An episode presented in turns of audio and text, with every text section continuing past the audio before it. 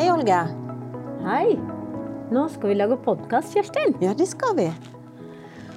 Det er litt morsomt, for dette her har vi jo tenkt på ganske lenge. Ja. Men nå plutselig, i disse pandemitider, så er det på tide. Ja, Vi har jo ikke noe annet å drive med. Nei, det kan du si. Så det, mm. Men det er jo ikke bare sånn at vi skal sitte og prate strunt. Nei. Vi må jo snakke om noe vettug. og da har vi jo tenkt at vi får jo så mange spørsmål om dette med fysisk aktivitet og sånn. Men eh, du, først før vi begynner. Hvem er du egentlig? Ja, hvem er jeg? Jeg heter Kjerstin Lundberg Larsen. og Jeg er fysioterapeut. Ja. Jobber på TRS, Kompetansesenter for sjeldne diagnoser. Og jobbet her en liten evighet, eller? Nei, ikke så lenge som du. Men jeg begynte her i 2012. Det er sant, for jeg har jo jobbet her helt siden 2004. Og jeg heter jo Olga de Vries, og jeg er også fysio. Um, og har vel jobbet på Sunnaas i all tid før det òg, nett som deg. Det er sant. Men her på TRS så har vi liksom ansvar for eh, litt annen del enn det som man har på Sunnaas, for da har man jo rehabilitering. Mens her har vi liksom livsløpsperspektiv. Det for folk blir født til de Ja. blir 100, tror jeg de setter grensen. Da kan de ikke være med lenger. Vi får øke den 100-årsgrensen snart, tror jeg. Ja, vi får se. Men i hvert fall så jobber vi med eh, et gjeng diagnoser som er sjeldne. Og da er det jo sånn Du jobber med noen. Ja for, at, Spesifikt? ja, for nå er det sånn på TRS at man deler det inn liksom at man har eh, sjeldne bensykdommer. Og der faller jo inn eh, litt sånn alle disse typer skjelettdysplasier, de som er kortvokste pga. en genetisk forandring. Og de som har forandring i ben, om de har noen sånne kulesykdommer eller sånn, sånn som OI, som har medfødt benskjørhet, på en måte, for å si det litt sånn lett. Eh, og de diagnosene har vi, men vi har jo AMC òg, som er sånn medfødt bøyd og stive ledd. Ja. Dere derimot Ja. Har en blanding av litt forskjellig. Vi har en blanding av litt forskjellig i, i mitt team. Og da er det bl.a. bindevevsdiagnosene. Eh, som er de som har ofte eh, løse ledd. Noen kan ha mm, problemer med at eh, man har skjøre kar i kroppen. Eh, og man kan mm, få eh, problemer med at eh, aorta f.eks. utvider seg og kan sprekke. Eh, det er én gruppe. Eh, og så har vi dysmeli, som er når man er født med eh, eh, mangel på arm eller ben, eller både og. Ja. Men kan de, ja, kan de både ha armer og bein? eh? Ja, man kan, man Ja, kan mangle litt både på arm og ben. Ja. Og så er det da ryggmargsbrokk. Men det er jo nevrologi, det er noe helt annet. Ja, det er på en måte litt annerledes, men det passer jo fint for meg å jobbe med. Ja. Som er spesialist i nevrologisk fysioterapi. Nettopp. Mens du er jo Ja, jeg er spesialist i barnefysioterapi. Ja. Og det er jo litt logisk for meg òg, for at uh, disse tingene er jo medfødt. Og mange av skjelettdysplasiene, uh, og også for så vidt en bindevevstilstand som er, er- heter OI, osteogenesis imperfecta, er jo en ting som man har gjerne ekstra utfordringer når man er liten. Så går det seg litt til, og man blir litt sånn vant til den eh, måten å leve på. Og så har du jo en master, eller har vi for så vidt begge to, master i helsefagvitenskap. Ja, det også. Men vi snakker her for at vi er fysioer. Ja, og fordi at vi er opptatt av eh, det å være i aktivitet, for det er så veldig helsefremmende. Også når man har en liten funksjonshemming.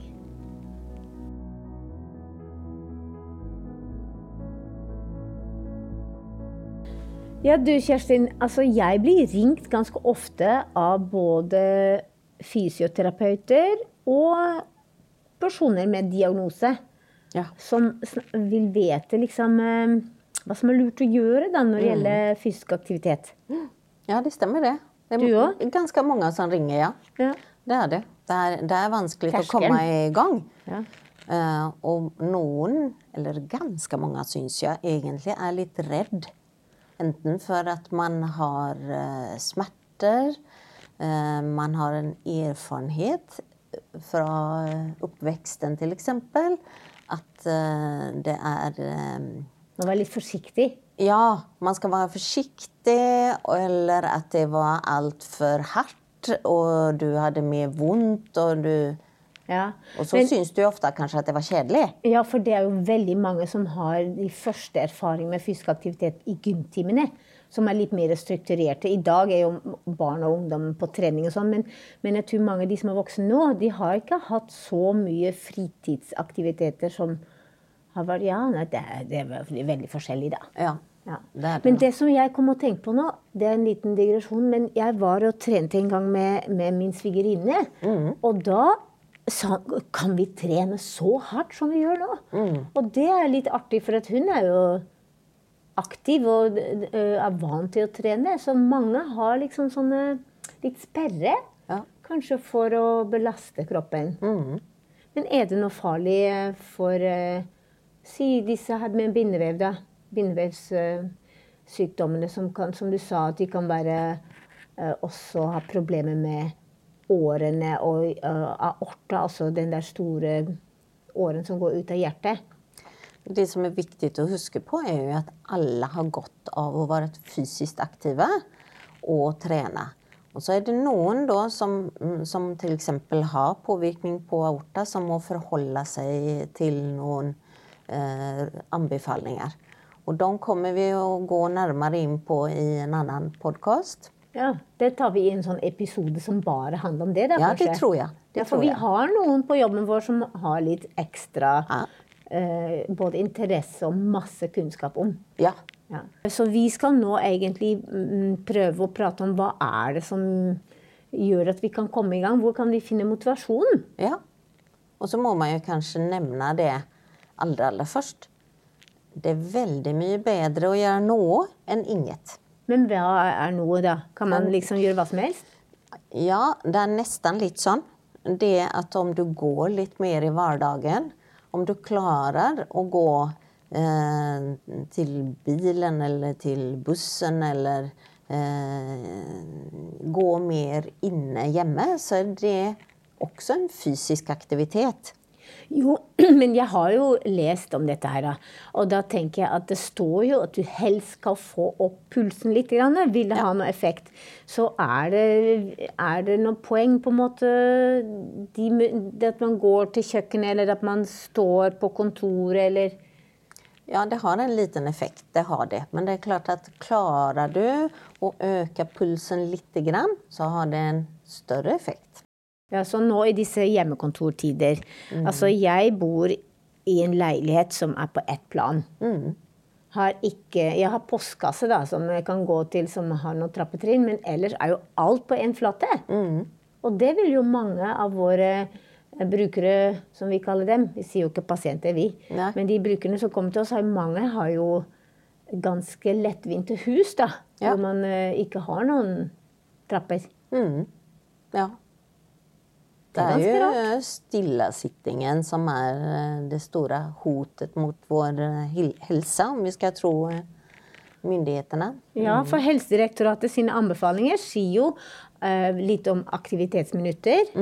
Og det er ganske mange minutter de snakker om da. Ja. Mellom 150 og 300 minutter i moderat intensitet. Per uke. Per, ja, selvfølgelig. Per uke, ikke per dag. Nei. ene er å være aktiv, og det andre er å redusere stillesitting. Men er da dette her som vi gjør i hus, er det da telt som aktivitetsminutter? Eller er det det å unngå stillesitting? Det blir ikke noe svar på det?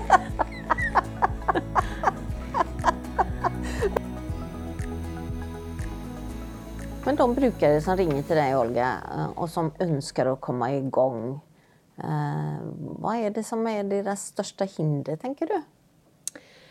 Ja, det er jo Det er litt eh, forskjellig, selvfølgelig. Men det er mange Jeg har jo mye kontakt med de som både har um, benskjørhet i en viss form, ikke sant? lett for å brekke. Um, og så har vi de som er veldig slitne. Eh, mange med, med de tilstandene er slitne og har vondter i kroppen. Så det er vel de Ja. tre ting tenker jeg, som hindrer folk at de er redd for å få mer vondt. De er redd for å brekke. Og, og de er så slitne fra før at de ser ikke hvordan de i all verden skal orke dette. Nei. nei, jeg er enig. Jeg tenker at det er de tre viktigste årsakene til at man ikke kommer i gang når man har en av våre tilstander. Da. For det er det samme i de gruppene dine? At det, det er de tre tinga? Spesielt smerter, tenker jeg. Man, eh, man har en erfarenhet med at det mange ganger har blitt verre av å trene og være fysisk aktiv. Eh, eller at man er fryktelig sliten. Men Eller har at de hatt. Unnskyld, jeg prater inn på deg, men mm. dette med, med vondtene, hvis vi tar det først. Mm. For at, eh, det er jo ganske mye forskning på at eh, trening, gjerne styrketrening, hjelper mot smerter. Mm. Men jeg har både erfaring sjøl, og det har jo du òg, at man får jo vondt av å være aktiv. Ja. Man får vondt av treninga. Mm. Og det er jo ikke så rart at man da tenker dette kan ikke være bra for meg. For det er jo, smerter er jo ikke der for ingenting. De sier jo noe om at det er fare på fare. Ja. Er det alltid det? Nei, det er- beror jo litt på hva det er for type smerter, da. Ja. Og det er klart at om du blir eh, støl etter en treningsøkt, så er du egentlig bare en positiv eh, greie. Men er du sikker at det er de smerter de snakker om? At de ikke kjenner igjen det? Nei, jeg er ikke sikker på det. Så det må man liksom finne litt ut. Og jeg tenker at mange, kanskje spesielt med ryggmargsbrokk, har mange ulike typer av smerter. Ja. Og også en det vi kaller for nevropatisk smerte, som er nervesystemets smerte, for å si det sånn. Som mange ganger er vanskelig å, å behandle på en god måte. Mm. Men får de mindre smerte av å trene? Ja, Den type smerte blir også mindre? Ja, mange kan få mindre nevropatiske smerter om man, om man trener. Men da må man gjerne ha gjort det i en periode. Man har fått en rutine, og man har fått gjort det over tid. Ja. Eh, Så kan man føle litt, litt lettelse av å være fysisk aktiv. Men at de forsvinner helt, det tror jeg kanskje ikke at jeg tør å love. Nei. Nei. Og så er det jo Det er en nevrogen smerte. Eh, og så har vi disse her som har em, I mine grupper er det mange som har artroselignende bilde. ikke sant? De har slitasje i leddene. Og det kan jo være en liten blanding av en litt mer sånn betennelsesreaksjon av aktivitet. At man hevelse i leddene gjør at man får vondt. Ja. Men det kan være en touch av nevrogene smerter i det òg. Ja. Det er ikke så farlig å få litt vondt etterpå. Men det skal ikke være sånn at du er plaget over lang tid. Nei. Da har du tatt i litt for hardt. Ja. Da burde du kanskje tatt det litt eh, Ja. mindre intenst, eller Ja. Mm. litt kortere tur, eller For i prinsippet skader det ikke leddene. Er det som med nevrogene smerter òg? At man kan bare gjøre bare gjøre litt mindre neste gang? At det ikke blir så gærent, eller? Ja, det tenker jeg at det er. Og det er veldig lett å starte ut med veldig Ja. tanke at nå skal jeg komme i gang, og så legger man opp til et ganske tøft eh, opplegg, egentlig. Det er litt for mye, rett og slett. Litt for mye. Så det, jeg tror på det å begynne med forsiktig. Ja. Ikke så lange økter. Uh, ikke så høy intensitet. Mm. Og så må man jo finne ting som ikke er så belastende, da. Ja. Altså hvis jeg tenker på at eh, hvis du um, um, eksempel hvis du sitter i rullestol da, og skal pigge. Mm. Det må jo være ganske hardt. Ja, det er ganske hardt. Så, så den gruppen som vi kanskje ikke har snakket så mye om, er jo de som sitter i rullestol. Ja, ja. Eh, for det blir mye prat om gåing. Ja, det er sant. Men, eh, men mm, pigging i rullestol er jo en måte å være veldig eh, fysisk aktiv på. Eh, og drive med trening. Ja. Eh, det er jo ikke alle som får til det. Men det har jo blitt mye vanlig at man tenker at man kan ha f.eks. aerobic i, eh, når man sitter i rullestol. Ja. Så, og det kan man driva med sammen med fysioterapeut eller kanskje til og med i en gruppe. Eh, noen har jo tilbud som er på nett. Og det har jo annet eh, Studio 99. Ja! Ja. Som er en Sunnaas-studio som eh, er beliggen på, eh, beliggenhet på Aker sykehus. Men som også har et tilbud som går over nett. Men det, kan vi, det fins informasjon om det på våre nettsider. ja. På Sunnaas. Ja. Ja. Og vi legger en liten lenke her etter eh, der dere har funnet podkasten. Ja. Dette fatigue er jo en greie som er i vinden. på en måte. Det blir Ja. snakket mye mer om i dag enn for noen år siden. Og fatigue er jo utmattelse. Ja, ja nettopp. Det samme ordet. Ja. Men det er ikke ME.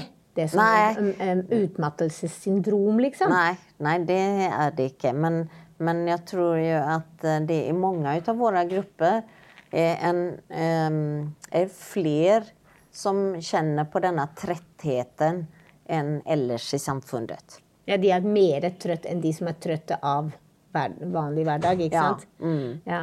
Og det tar litt lengre tid å hente seg inn. Ja. Men det er fortsatt sånn, for at i eh, generell befolkning snakker man vel om at eh, fatigue eh, det er jo En del er jo kanskje forårsaket av selve tilstanden. Mm. Og det andre kan være rett og slett at du er i litt dårlig form. Ja. At hvis man hadde klart å løfte sin fysiske form litt, Mm. så hadde fatiguen blitt påvirket av det. Ja. Ikke sant? Så jeg tenker Eller at eh, utmattelsen. Ja. Mm. Så du kan påvirke utmattelse ved å øke fysisk funksjon. Det er det vi tenker. ikke sant? Ja, At vi. Litt bedre eh, oksygenopptak, rett og ja, slett. ja. Litt bedre form. Ja. Eh, Så blir fatiguen mindre. ja. Men det har vel også innvirkning på smerter? For det er noe med over, totale overskuddet. ja. Men det er om igjen tilbake til hva det er for type smerte. og... Ja, ja. Så, så jeg tror ikke at det går an å si sånn generelt for alle. Men for eh, noen er det definitivt sånn at det er bra for smerter å være fysisk aktiv.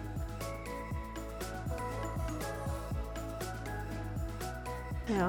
Men det er jo vanskelig, og det har jo sånne ting Tilbud å gå til fysio eller å gå til trening har jo vært et trøbbel i dette pandemiåret. Ja. Hvor vi på en måte Mange tilbud har vært stengt. Fysioterapeuter har det ikke vært lov å gå til. Og, og det har vel gitt litt trøbbel for den, nettopp den gruppen som har litt vanskelig for å finne på noe. Det virker som at eh, det har på en måte vært verre for den gruppen som har en funksjonshemming, Ja. eh, enn for folk flest. Eh, og det er en studie som har blitt gjort i Norge, Ja. der man har via spørreundersøkelse på nett spurt gruppen som har en funksjonshemming, om hvordan det har påvirket dem med pandemien. Mm. og konklusjonen er jo at to tredjedeler har vært betydelig eller mye mindre eh, aktive enn før pandemien. Og eh, det har også gjort noe med psykisk helse. Nettopp. Det vil si at man har, har det litt dårligere. Ja, ikke sant? For vi vet jo noe om at fysisk aktivitet er jo eh, Det gir jo en bedre psykisk helse. Man Ja. tenker at det påvirker hvordan man har det Ja. å være fysisk aktiv. Ja. Det er jo kjempeviktig, for det gjør jo noe med motivasjon òg. Hvis du ikke har det så godt, så er det enda verre. Ja. å gjøre noe. Ja. Å dra i gang. Mm.